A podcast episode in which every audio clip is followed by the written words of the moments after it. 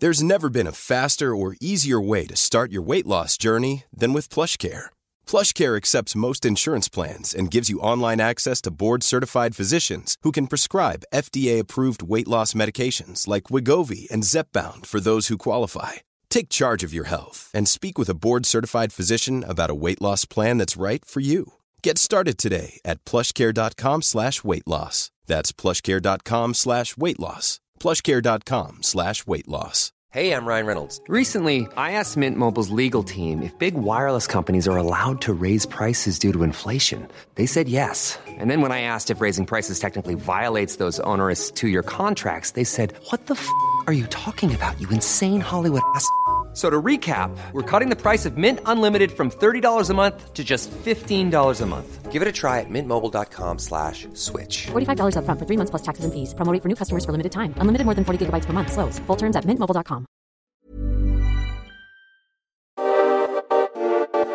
Ni lyssnar på Bagge och Brobacke podcast. I 30 minuter varje vecka kommer vi ge vår syn på marknaden med fokus på pris, makro och sentiment. Välkomna!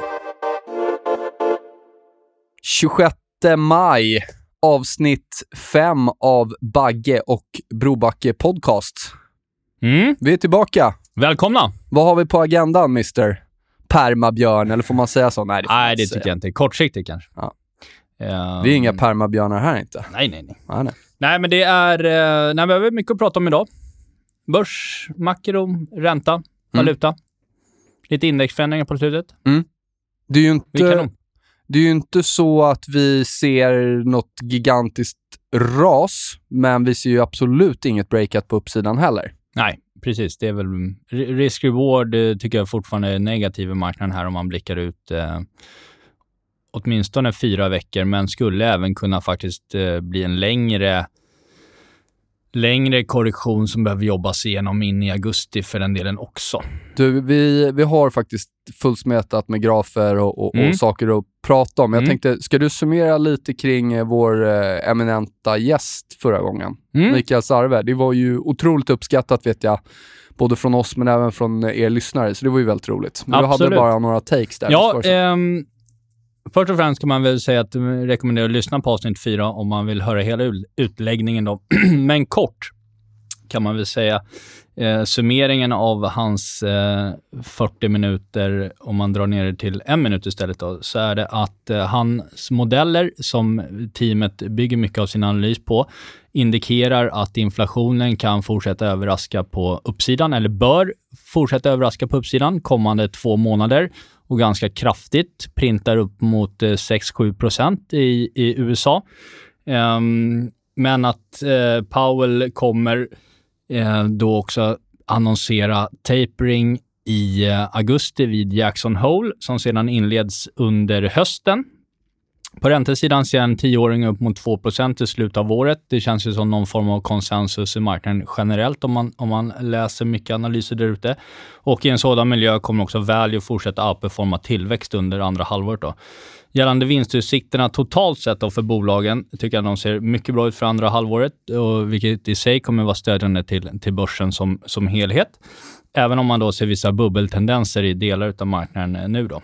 Men det är först under 2022 som börs och kreditspreadar kan få det tufft eh, enligt Sarve, då, då ledande indikatorer globalt börjar rulla över under 2022. Um, ehm, på kort sikt ser han att det kan bli en något stökigare sommar uh, på marknaderna. Ehm, och Det är väl ungefär det vi är inne på också. Och Inom valuta så ser han generellt sett en starkare dollar eh, under året och den svenska kronan ser de som övervärderad på dagens nivåer, så de säljer gärna kronor och köper dollar. Mm, spännande. Vi ska Ja. prata lite dollargrafer sen. Jag har, Mm. har mer än radda och har gjort lite förändringar i, i min förvaltning. Men ska vi ta börja och prata lite börs? Du, eh, det här med eh, det här med att vi är i en jäkla range. Det är en Mm. shopfest och, och om vi, blickar tillbaka lite så tror jag att det här kan bli liksom temat för resten av året. Men ska vi bara titta nu sen vi drog igång och började podda? Det var ju slutet av april va? Ja, 28 april kommer första avsnittet. Ehm, och det är väl bara lite intressant att se hur börsen har handlat de dagarna. Första dagen hade vi minus 1% på OMX.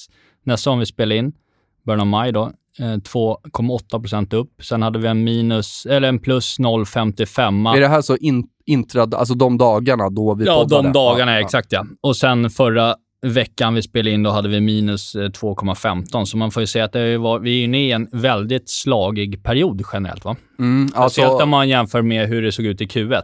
Verkligen. Och, och det är ju ofta ett tecken på en trendvändning. Volatiliteten ökar vid, vid eh, liksom toppar och bottnar. Men om vi nu ska titta på hur det faktiskt har performat så ser vi att OMX är ju i princip plus minus noll eller lite minus Mm, egentligen, mm, sen vi mm. började dra. Och vad har vi annat om jag, jag drog fram en, en graf här ehm, med, med liksom lite andra tillgångar som jag dels äger i förvaltningen och, och saker som har varit leading tidigare och sådär. Och då kan vi se att small cap är ner 4% under den perioden. Mm. Nasdaq är ner 2%. Eh, koppar har egentligen tappat hela sin uppgång och är plus minus noll nu. Eh, vi kan se att eh, saker som energi, som var upp väldigt mycket, har tappat ganska mycket. Det som har presterat bäst i min bok, guld. Mm. Eh, nummer två tror jag, eh, ja, inte i rent procentuell utveckling, men det andra som har presterat riktigt bra, det är positionen i amerikanska tioåringen, det vill säga räntor ner.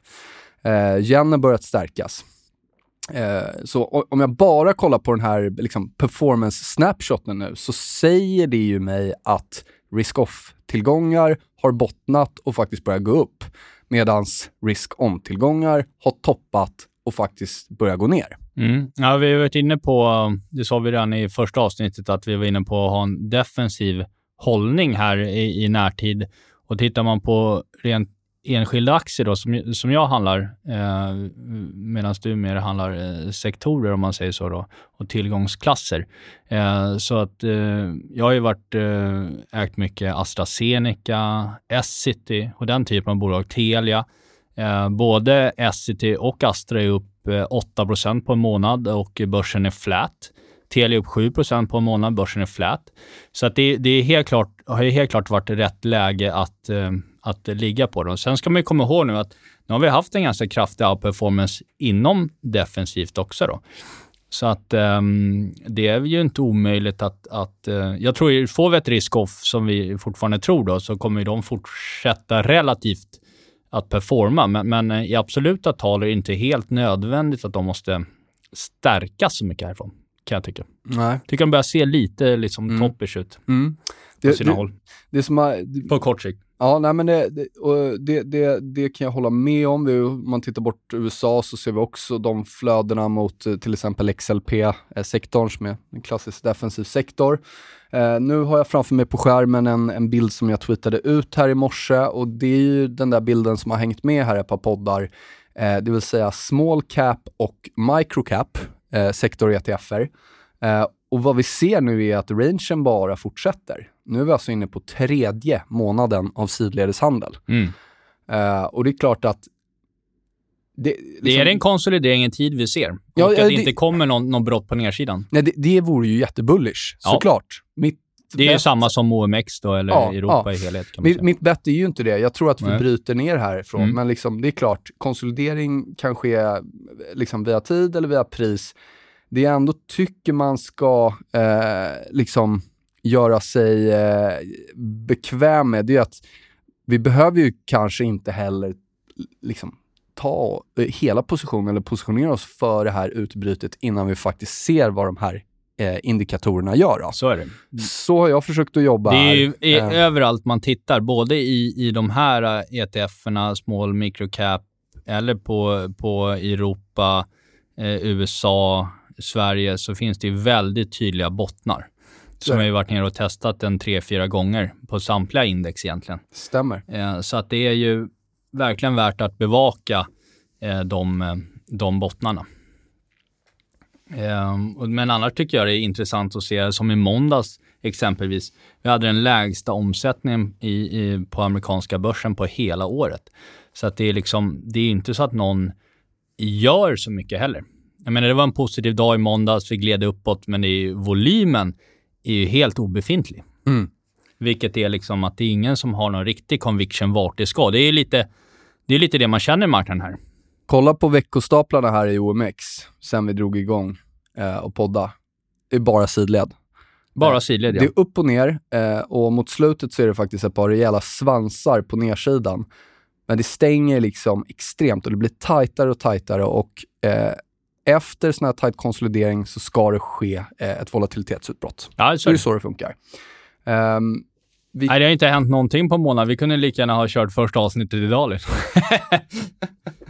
Eh. du, S&P då? Lite samma där. Sitter och kollar på. Jag tycker även den liksom har, eh, om vi kollar på veckografen, har en... Nu, nu är, jag tycker kanske att stöd och motstånd eh, bör bestämma över trendlinjer. Men om vi har ett motstånd som försvaras och dessutom nu trendlinjen börjar eh, att antastas här. Eh, veckostängning här, skulle vi vara under den trendlinjen. Eh, ser väl ännu sämre ut på Nasdaq skulle jag säga. Eh, det som är, nu har vi faktiskt fyra, vad är det, hur många dagar är det kvar av den här veckan? Det är tre handelsdagar här. Eh, och så har vi 31 nästa vecka. Men det är ju så att månadsstängningar... Det är dessutom en röd dag i UK och USA. Så är det ja. måndag. Så att sista handelsdagen är på fredag. Eh, är på fredag ja. Eh, I Sverige kommer det handlas även måndag, men då får vi alltså nya månadsstaplar. Det är dit jag vill komma. Ja, och längre snyggt. tidshorisonter styr alltid över kortare tidshorisonter, ja. enligt mig. Nu har vi alltså på veckobasis brutit under, får vi nu även en månadsstängning som ser, eh, så att säga, dålig ut, då, då är det ja, då är det ytterligare olja på, på brasan. Ja, nej men och tittar man på, på veckografer då, så kan vi uh, bara konstatera att vi har i Europa då, i början av veckan, vi var inne på det förra, förra podden, att vi skulle ha en bulltrap på uppsidan i samband med lösen eller strax därefter. Vi fick nya highs i Europa igår eh, på tisdagen, men vände ner under utbrottsnivåerna mot close igen, så det är en liten failure high där. Um, så de som köpte tungt i Europa direkt på öppning eh, låg i minus en halv procent och någonting direkt mot stängning. Och tittar vi i veckostaplarna Eh, så ser vi eh, negativa divergenser både i, eh, i USA, OMX, Europa, det vill säga att uppgången, den sista liksom skjutsen vi har haft, tappar momentum jämfört med när vi var här senast för, för ungefär en månad sedan. Och då är frågan, den stora frågan är ju, Eh, om nu det är så att, som vi är inne på, att eh, value tappar kraft, eh, långräntorna rullar över och så som jag pratade om, Eh, så är det ju så att flödena måste in i tech igen för att inte få en större korrektion på S&P. Jag kan fortfarande tycka rent tekniskt att S&P och Europa och Sverige borde kunna rekylera ner till liksom 38% Fibonacci-nivån, eh, vilket är en helt sund reaktion i en sån här stark uppgång som vi har haft. Det skulle alltså om man mäter från när faktiskt vaccinmåndagen där i, i november, om, man, om, man, om det är den liksom value trade man kikar specifikt, då, då, då borde då har vi OMX i så fall på 2062 och vi har eh, ett eh, Eurostox 50 på 3620 och vi har en, eh, en DAX nere på 14 000 blankt och ett S&P nere på 38,50. Eh, det är ju att laborera man kan låta väldigt bäsad om man tror att det ska ner 8-10 härifrån, men det är ju en helt normal korrektion i, en, i den starka liksom, uppgången som vi har haft. Och vilket inte alls är speciellt, varken ovanligt eller, eller någonting man ska vara liksom väldigt nervös över jag tycker det vore väldigt sunt om, om vi får det, för då, då kommer vi samla ny kraft för en vidare uppgång. Men, men om jag tittar och, och, och tror att det finns liksom uppsidan härifrån är väldigt begränsad på kort sikt och jag ser 8-10% på nedsidan, ja då blir fortfarande risk-rewarden kommande liksom en till tre månader i min bok eh, negativ. Just det.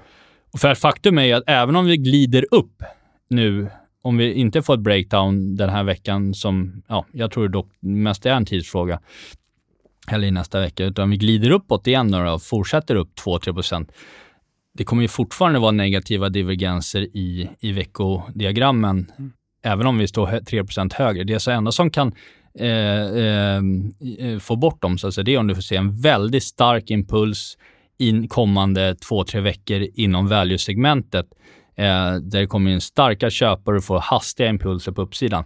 Jag har lite svårt att se det med tanke på hur alla snackar value, alla snackar inflation, det är valuebolag man ska äga, folk har viktat om, många har viktat upp i Europa nu sista en, två veckorna jag ser inte riktigt att liksom, den traden ska komma att du får en stark 6-7 procentare i närtid. Liksom. Hur ofta blir det melt-up när det pratas om melt-up? Inte sådär jätteofta. Eh, det, det Sen kan man ju undra, har vi inte också haft en melt-up? Jag, ja, jag, jag tycker typ, ju det råvaror som timmer och så här, som är upp 500 är inte det en melt-up? Ja. Liksom? ja, eller boomer tradesen och value tradesen. Det som är, ja. om, om vi nu ska få en melt-up, om jag ska ställa mig på bullsidan här och mm. ta på mig de glasögonen, ja. då ska ju dollarn bryta ner ja. genom alla viktiga stöd. Eh, och energi ska fortsätta upp. Eh, och det är väl egentligen, om jag tittar överlag, så är det väl egentligen de två sakerna som fortfarande ser som talar för bullscenariot utöver att index är, har inte brutit ner. Då. Men både du och jag sitter ju och kollar på dollarn nu. Ja, och jag skulle nog vara mer negativ, eller jag skulle vara negativ till dollarn om det inte var så att vi redan har fallit Eh, ska se hur många veckor blir det här då? Eh, sju, åtta veckor i rad mm. på dollarindex. Och vi är nere i översålda nivåer i så här weekly stochastic momentum-indikator. Eh, vi är nere i runt, alltså i tidsspann i alla fall, där vi bör ha en botten. Sen kan du alltid få en faker på nedsidan. Det bryter ner genom eh, de här viktiga stöden och du, du vänder upp igen då. Det är framförallt den 89-nivån på dollarindex. Mm. Det är ju det där gigantiska stödet som ja agerade motstånd i eh, ja, drygt tio år och sen nu har agerat stöd i, i, i ganska många år. Då. Ja, så att jag, jag, skulle tro ändå att vi, det vi har pratat om, att vi får en, en eh, så att säga en, en reaktion, en motreaktion på uppsidan kommande veckor. Eller kommande två månader för den delen också. Motsvarande nivå i eurodollar då, det är ju runt 1,22 här där vi är nu. Uh, ja, och den där ser också toppish ut, lite negativa divergenser. Och... Mm. Ja, men det, min, min valutakorg uh, har ju fram tills faktiskt uh, nu i dagarna varit uh, lång eurodollar, kort yen, dollar, alltså lång yen mot dollar. Mm. Men kort USD-JP i det paret och sen nu mot slutet lång USD mot SEK. Men det är nu först faktiskt den här veckan som jag vänder hela den eurodollar-positionen då. Mm. Eh, jag, Intressant. Ja. Eh, och, men återigen, det här skulle ju tala emot det som vi säger om vi nu får ett, en kraftigt bryt eh, ner i, i de olika dollarparen. Um, Energi nämnde vi också. Oljan, eh, crude Brent hamnar på 70. Det skulle ju vara bullish om vi bryter över där. Absolut. Eh, har kvar en liten, liten exponering i det. Um, Ja, har du... index, indexmässigt kan man ju säga att vi har ju faktiskt inte på något sätt brytit ner ännu. Det är ju snarare så att det, eh, vi hovrar kring all time high-nivåer, framförallt i, i, i eh, Europa och i Sverige. Då. Men mm. det är ju återigen då, är det ju de här veckostaplarnas lägsta nivåer, typ 21,88 på OMX är ju en eh, nivå som vi har testat av fem gånger. Och skulle den, där har vi ju liksom de viktiga att hålla koll på. Mm. Så det är klart, vill man inte plocka på skydd och vara bearish redan nu, så, så kan man ju agera på ett sånt eh, nedställ. Men det är några procent ner dit, mm. ska man ju komma ihåg. A lot can happen in three years, like a chatbot may be your new best friend. But what won't change? Needing health insurance. United Healthcare Tri Term Medical Plans, underwritten by Golden Rule Insurance Company, offer flexible, budget friendly coverage that lasts nearly three years in some states. Learn more at uh1.com. Hi, I'm Daniel, founder of Pretty Litter. Cats and cat owners deserve better than any old fashioned litter. That's why I teamed up with scientists and veterinarians to create Pretty Litter. Its innovative crystal formula has superior odor control and weighs up to 80% less than clay litter. Pretty Litter even monitors health by changing colors to help detect early signs of potential illness. It's the world's smartest kitty litter. Go to prettylitter.com and use code ACAST for 20% off your first order and a free cat toy. Terms and conditions apply. See site for details. Om vi tog, jag la upp några grafer här i morse, eh, amerikanska tioåringen och tyska tioåringen. Eh, Mm. som jag sa i början av avsnittet så har amerikanska tioåringen, eh, det vill säga långa positionen i den, ett bett på att räntor går ner. Det har varit en vinnande position för mig här ett par veckor. Mm. Det som avvek, som vi pratade om förra veckan med Mikael Sarve, var ju att tyska tioåringen gjorde nya högsta Mm, och mm. var på väg upp mot nollan och var ganska nära. Nu har den vänt ner. Ja, där fick du smisk. Vad sa du? Där fick du lite smisk på fingrarna. Ja, eller jag vet inte. Jag var inte positionerad i Nej, sant. Men, Bra. men, eh, men eh, däremot så liksom, ska vi tolka det nu som att om vi drar den, den nivån vi tittade på var minus 0,19. Ja. Eh, det var alltså förra topparna från januari, eller egentligen slutet av 2019 och början av 2020. Och nu har- tog vi faktiskt eh, och vände ner där. Mm. Så att om vi nu har amerikansk tioåring som sjunker i ränta, om nu tyska tioåringen börjar sjunka och just det som du sa, eh, och det här är ingen, det är ingen bash på någon, men jag ser nu eh, flertalet eh, hus på stan som har eh, varit eh, liksom överviktade mot tech i år och Mm. därför missat energi, de har missat finans, de har missat value traden som nu i maj börjar vikta över mot value traden.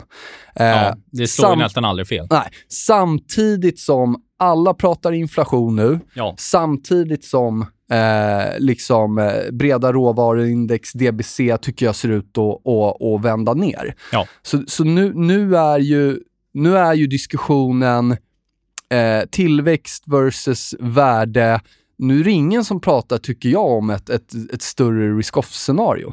Nej, och tittar man på inflationsförväntningarna de sista två veckorna eh, i USA, femåriga, så är ju de faktiskt ner 11 procent.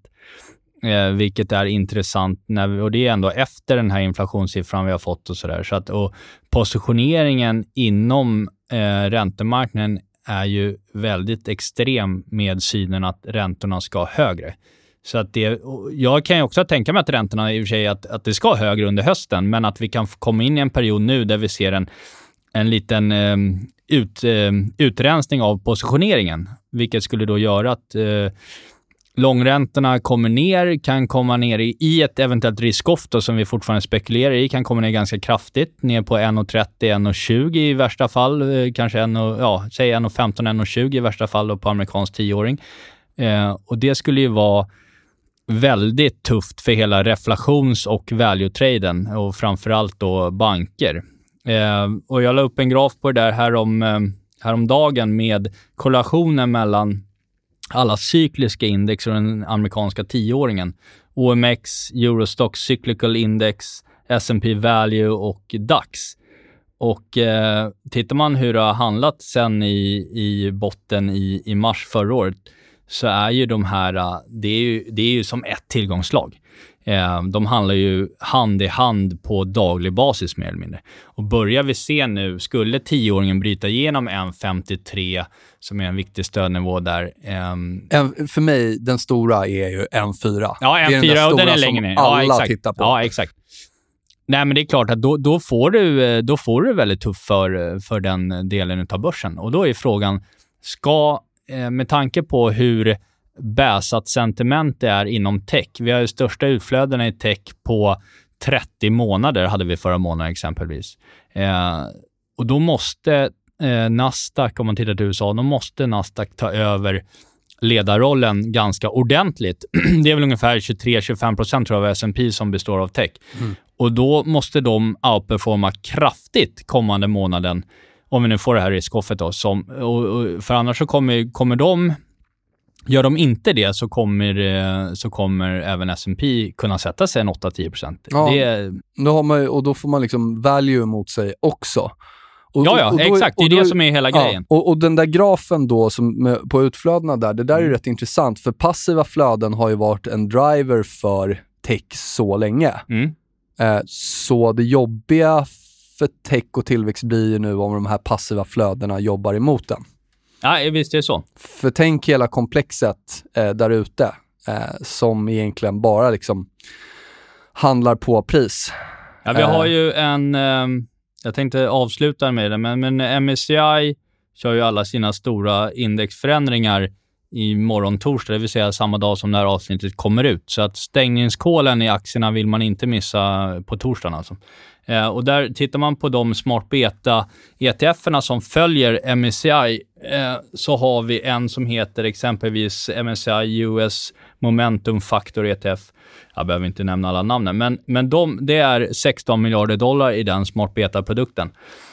Och de kommer, en smart beta fungerar ju så, de screenar ju eh, sektorer och bolag på månadsbasis och på kvartalsbasis och så köper du in de som har gått starkast och säljer de som går svagast. Och så gör du en sån rebalansering. Antingen kan du göra det per halvår, per kvartal eller per månad. Det beror på mm. lite hur ETFen är uppbyggd, eller smart betan. Momentum, prisstrategi. Ja, men ja. den här jag tittade på nu då, den, det är alltså 16 miljarder dollar och den kommer eh, eh, göra en förändring motsvarande eh, närmare 70 procent av innehaven eh, i eh, på, kring closen då i, på torsdagen. Och det som händer där, det är bankerna har gått starkt. Så den här ETFen då viktar upp eh, banker från 1,6% till 33,4. Det är liksom brutalt. Eh, de kommer vikta ner tech från 40 till 17 Eh, och det är, väl de riktigt, det är väl de två riktigt stora eh, förändringarna. Healthcare kommer de vikta ner från 13 till 5 eh, och Industrials upp från 8,5 till 14.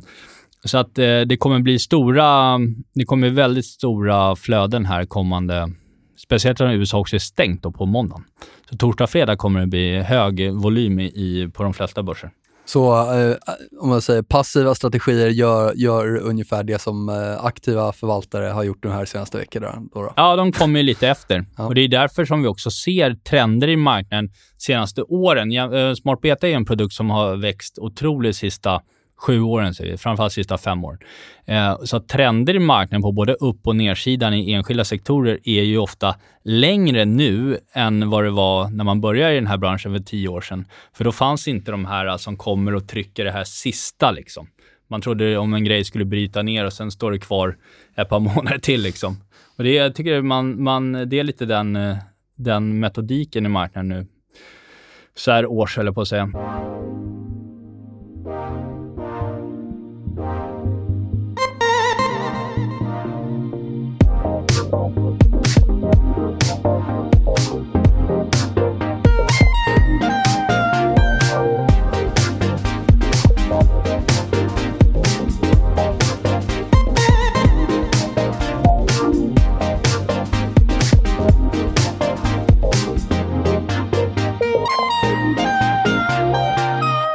Pratar lite ratios. Jag tycker alltid att det är jobbigt att eh, stå utanför. Eh, vi får ju liksom ganska mycket frågor om så här, för, ja, men jag sitter på cash och jag är rädd att missa uppgången nu och sådär. Mm. Eh, något som brukar hjälpa mig, det är att falla tillbaka på, okej okay, om breda index eh, inte visar några enkla signaler eller rangear, det är att försöka liksom titta på andra pristillgångar och framförallt på relativa ja, eh, priser ja. och ratios. Ja. Uh, och en intressant ratio som jag tror vi tog upp om det var avsnitt ett eller två, jag kommer inte ihåg, men det är ju guld-koppar-ration. Mm. Som jag nämnde så har ju guld varit en, uh, en vinnare här senaste veckorna och det kan vi även se i den relationen. Uh, Guld-koppar-ration vänder upp vid 400 och det är alltså en nivå som har varit intressant historiskt. Uh, en nivå där, där, där den här relationen har vänt. Mm, mm. Och det tenderar ju att vara uh, flöden mot en, man säger, safe haven, mm. guld kontra en, en, en risk-on-tillgång koppar. Mm. Och den kopparn är intressant för den har ju faktiskt eh, vänt ner ganska ordentligt nu tillsammans med många andra eh, riktiga risk-on-tillgångar. Då. Stämmer. Eh, och man har väl aldrig hört så många prata koppar senaste månaden som man har gjort senaste, sen man började. Liksom. Nej, Helt plötsligt tittar alla på koppar. Och, det, och det, det är ju fine, för koppar har ju varit en av de största vinnarna i, i boken. Absolut. Men det intressanta blir nu när de här flödena vänder. Här är ett annat exempel på det, fast vi tar det i andra tillgångar och det är den här eh, bonds mot small cap, TLT versus eh, small cap ratio. Ja. Och den ser vi att även om small cap handlas sidledes, när vi tittade på den individuellt, så ser mm. vi att den här ration fortsätter uppåt. Mm. Mm. När flöden går från small cap till bonds, kan vi historiskt dra någon slutsats av det? ja, det brukar ju inte kanske vara ett, ett, ett, ett läge där det blir melt-up. Snarare det motsatta va? Ja, det ja. känns lite så va. Eh, återigen, det här kan ju liksom, det, det, det är ju ingen helig graal, det är ju inte, det är inte binärt 1 eller 0, men vi lägger liksom pusselbitarna. Eh, utö, det, utöver den här pusselbiten då så är det även den där eh, XLP mot Spiden, det vill säga Consumer Staples mot S&P 500, relativ ratio som har brutit egentligen, eh, skulle jag säga, vi, vi har ju vi har studsat på 2007 eh, botten i den ration och nu har vi även tagit oss upp, om man tittar på en lite mer utzoomad vy, så har vi brutit det momentumet som har gällt här egentligen sedan covid-botten. Mm, mm. Jag tror fortfarande det är 17-nivån i den relationen och ni, ni, kan hitta den. Jag kommer lägga upp den sen då. Eh, jag tror fortfarande det är den som blir en, liksom, direkt avgörande då.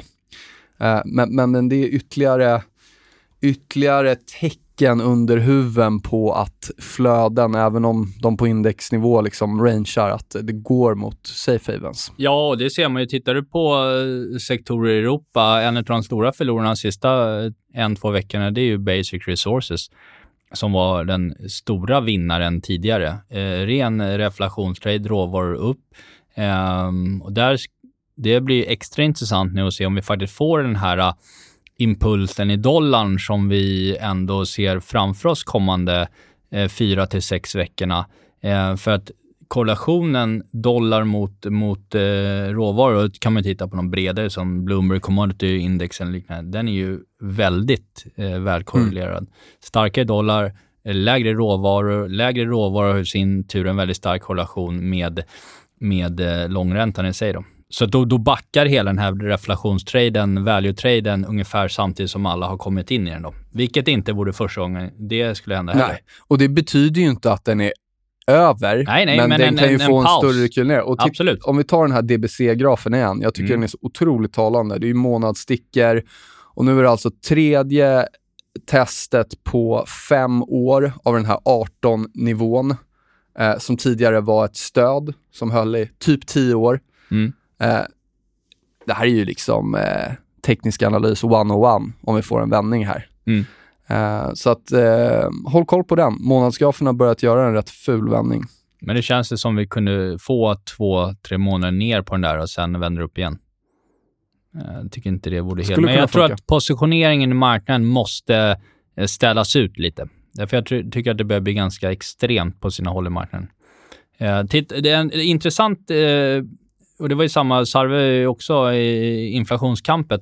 Och det är ju väldigt få som inte pratar inflation. Eh, oavsett vilka, vilken medie man lyssnar på eller vilken tidning man läser så är det ju inflation på det är det enda man hör om. Bara det i sig gör ju att man blir lite contrarian. Liksom. Ja, snart eh. skriver de väl om det i Saltsjöbladet. Liksom. Ja, exakt. Ja. Eller Danderyds snitt. Liksom. Så hedgar emot den kommande inflationen. Nej, men, tror det... Barons hade en, en stor, eh, stor framsida på det och det jag vet att vi har pratat om det innan. Economist har varit riktigt fina contrarian-signaler på, på olika liksom, tillgångar. Ja. En framsida på Barons att inflationen är här. Ja, skulle passa rätt bra. Det, I sig är det ju ingenting, men om vi lägger nej, nej. på allt det här vi Exakt. har radat upp nu så är det en bra temperatur på sentimentet. Ja, i så fall så är det kan, möjligtvis lite peak reflation trade här nu då. I så fall. Exakt. Um, och um, en som är inte, som är fortfarande i deflationskampet då, vilket är väldigt få då. Men eh, jag lyssnade på David Rosenberg i Macro Voices i eh, fredagens avsnitt. Eh, väl värt att lyssna på tycker jag. Mm. Um, för det är inte så många som är inne i det, på det spåret längre. Uh, men han menar ju att inflationspucken, som han också ser då, kommande månader, som Sarve var inne på, kommer fade ut ganska kraftigt. Eh, då liksom, eh, när, alla, när ekonomin öppnar upp igen och du får igång industrierna på riktigt, eh, så kommer eh, utbudet, framförallt av varor och tjänster, öka massivt igen då, vilket är då eh, nedåt eh, pressande på, på inflationen. Han tyckte löneinflationen tycker han inte man ska oroa sig för med tanke på så länge produktiviteten fortsätter vara, vara hög.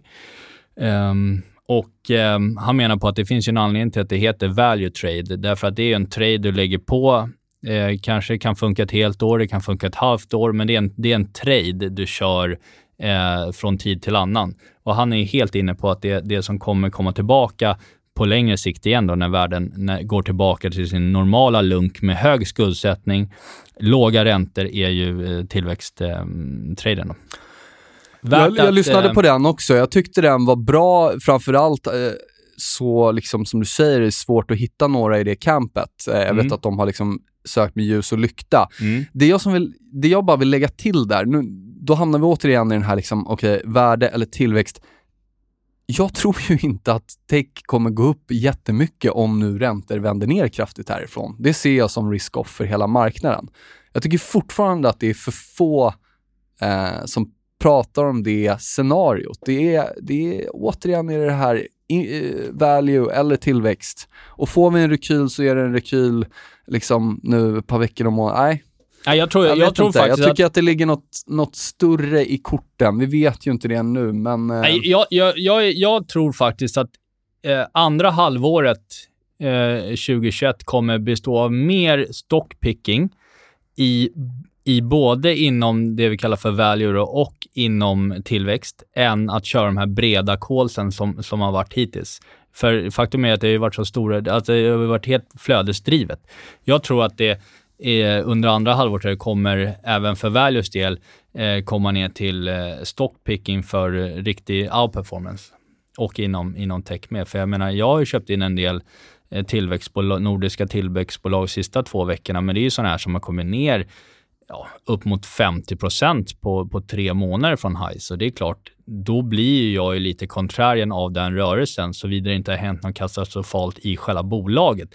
Men har det inte gjort det och rörelsen och, och flöden har pressat ner aktien, då blir jag konträrien. Och då köper jag in, som jag gjort i det här fallet, kanske en tredjedel av det jag egentligen vill äga om man ser till, till helåret. Eh, men, och jag har ju gått, många av de här är upp 10-15% nu på, på två, en, två veckor. Men jag tar inte, man skulle ju kunna vara lockad att ta hem den vinsten, men tanken från början är ju att jag skulle bygga på den på, på eventuell generell risk-off i marknaden. Så att jag, jag behåller dem faktiskt och eh, sen kommer jag plocka på mig under sommaren här eh, lite mer value-bolag också. Då. Så jag kommer väl, jag tror portföljen kommer se ganska blandad ut då.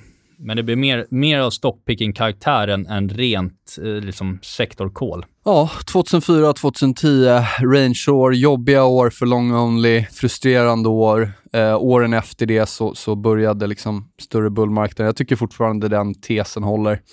Ja, för det blir intressant att se. Skulle vi komma ner till, eh, säg 2000-nivån på OMX i sommar här, eh, då är det ju så att det är ju inte helt otänkbart att vi stänger år på 2300 egentligen. Eh, men det är en uppgång på typ 15% sen sommarbotten. Då.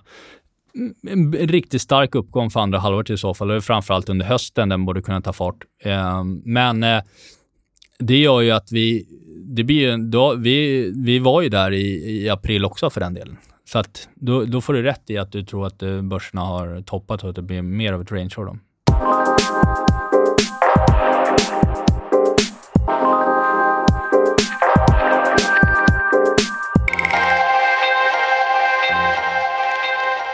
Du, det börjar närma sig slutet här, men du hade lite indexförändringar där som du hade kikat på.